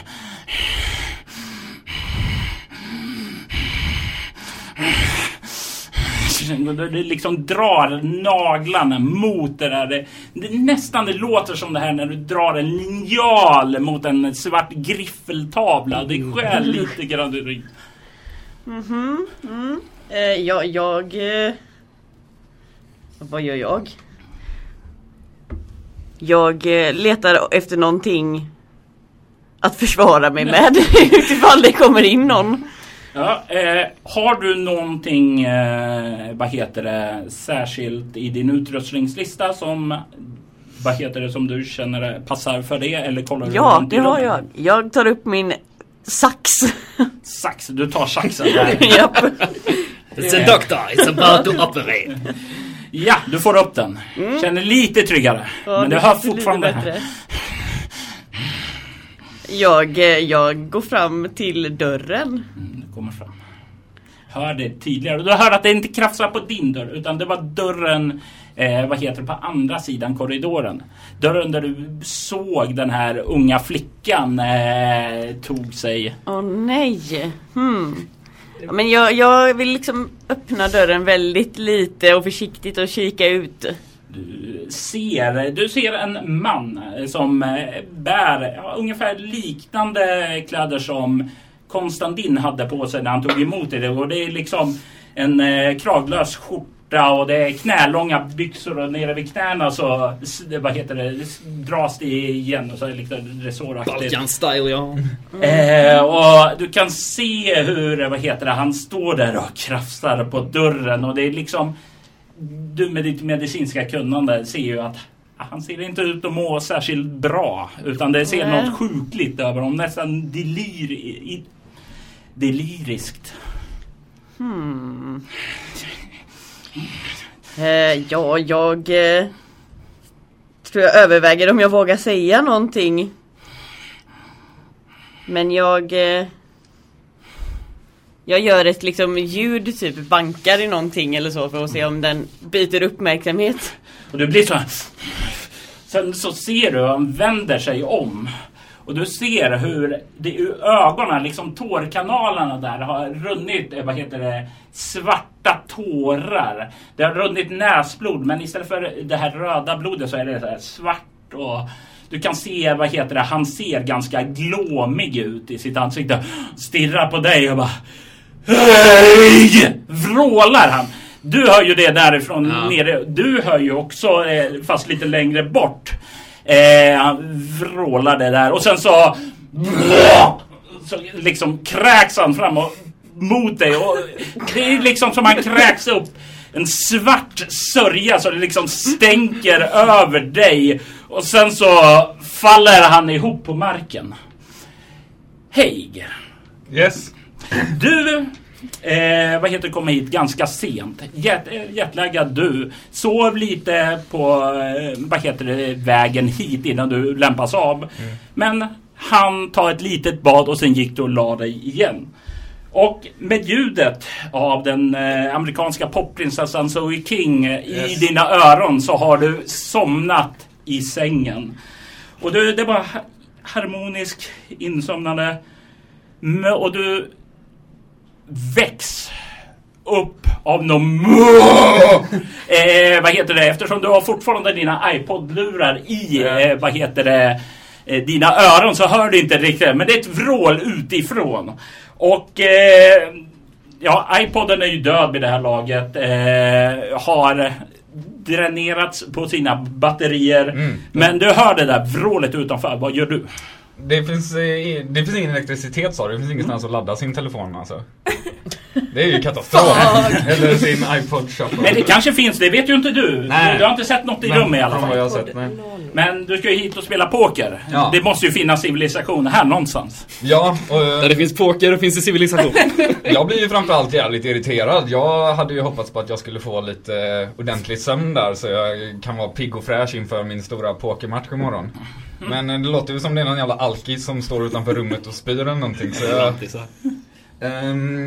jag, jag tänder en cigg och så går jag till dörren och eh, öppnar och bara "Vad Fan håller ni på med här ute? Och där så lämnar vi gruppen i Lyria.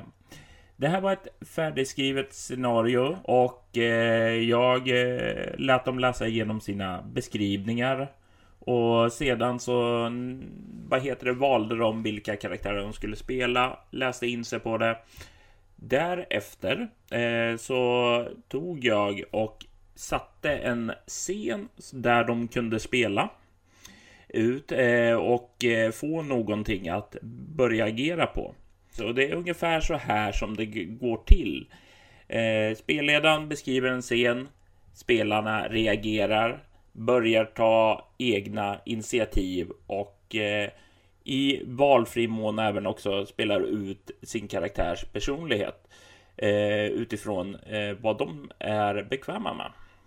Och eh, om ni nu vill höra hur det gick för hela gruppen så kan ni göra det. Eh, den helheten finns att lyssna på vi spelar rollspel.se eh, och där klicka sig in under spelskaparna. Det finns också eh, där möjlighet att prenumerera på eh, podcasten via iTunes. Eh, så jag kan definitivt ta och rekommendera er att kolla in det. Och förhoppningsvis så har ni nu även fått en känsla för hur det kan gå till att spela rollspel.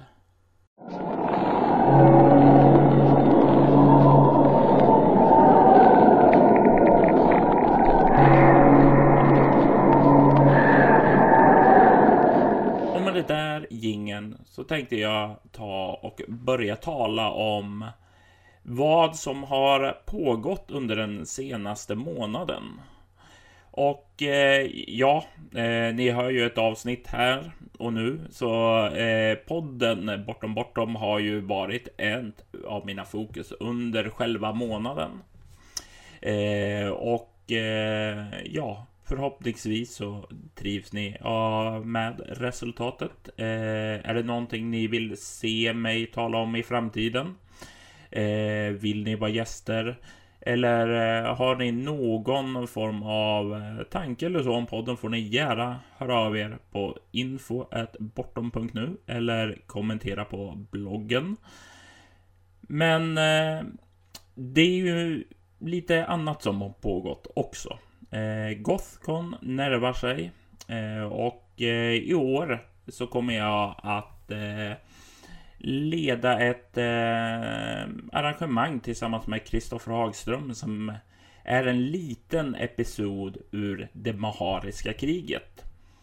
Och det Mahariska kriget är en eh, kampanj som utspelar sig innan eh, Leviathan.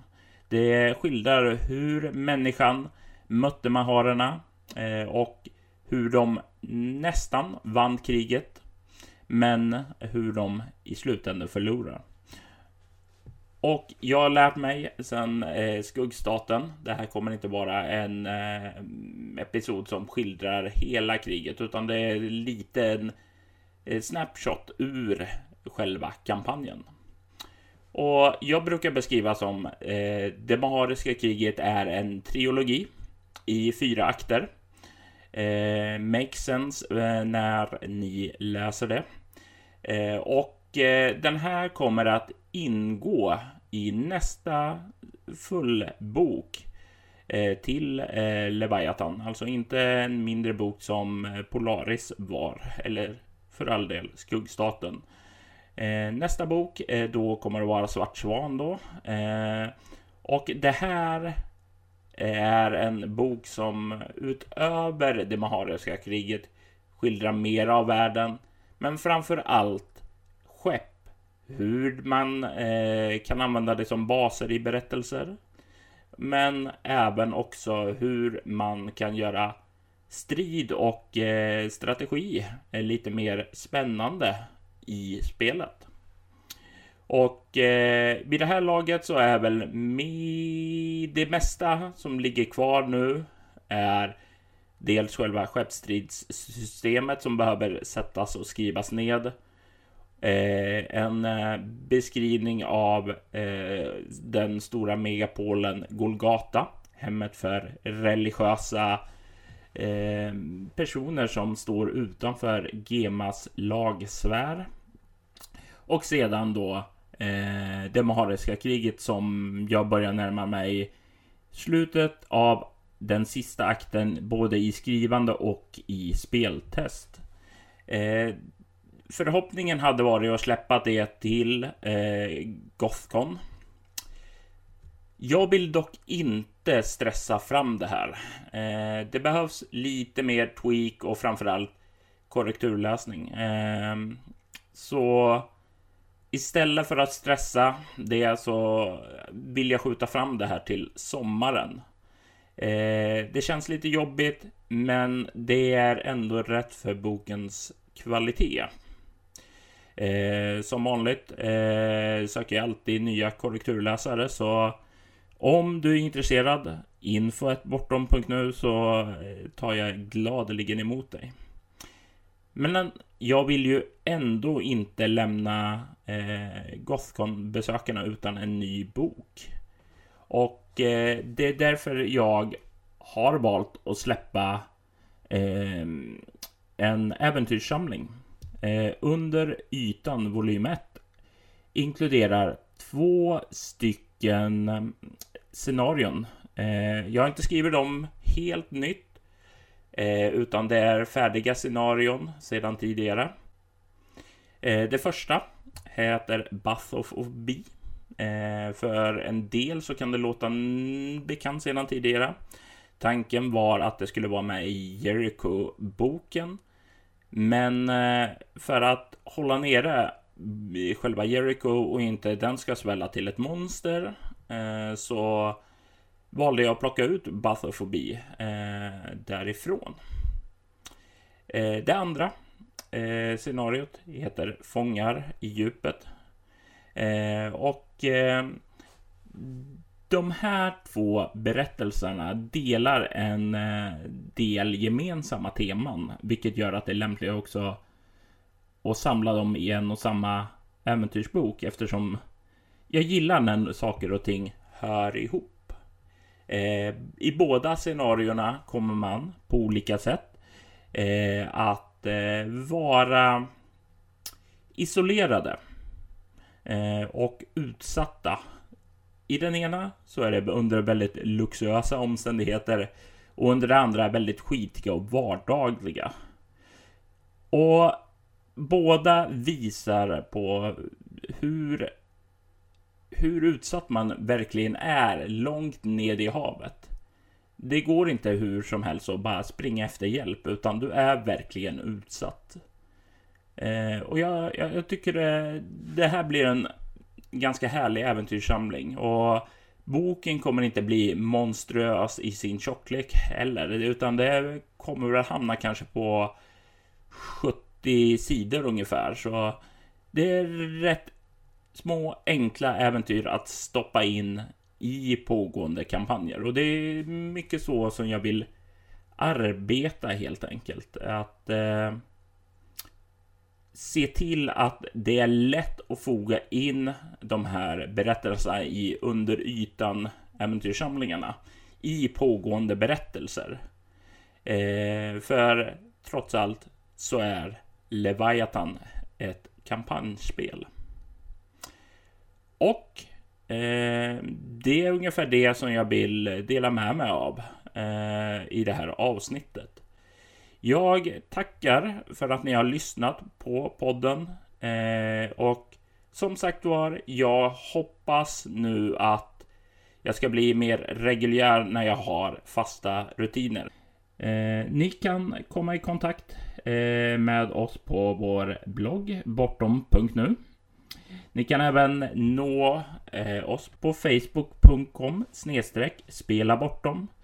Spela bortom är även eh, namnet, eh, nicket, eh, mitt handle på Twitter eller Google Plus om ni vill följa bortom där. Eh, och som alltid kan ni nå mig på info bortom.nu. Den här podden går att prenumerera på via iTunes och ni får hjärtligt gärna lämna en recension där. Jag skulle även vilja ta tillfället i akt eh, och eh, lämna några disclaimers nu. Eh, I vissa fall nya, i andra fall påminnelser om alla fantastiska personer som har bidragit med jinglarna. Först och främst så ska vi nämna någon som inte alls särskilt fantastiskt. Det nya introt är gjort av mig. Avsnittstemats eh, fina jingel är gjord av Abstract Assassinator som ni säkert känner igen om ni har lyssnat på podcasten tidigare. Om vi kollar vid spelbordet så är gingen gjord av Peter Saveman och gingen till segmentet under arbete är gjord av John A. Jonsson. Den sista gingen, outro gingen ni kommer att höra är gjord av Stefan Hedengren. Och med det så vill jag ta tillfället i akt och tacka er för att ni har lyssnat. Och med det så säger jag ha det!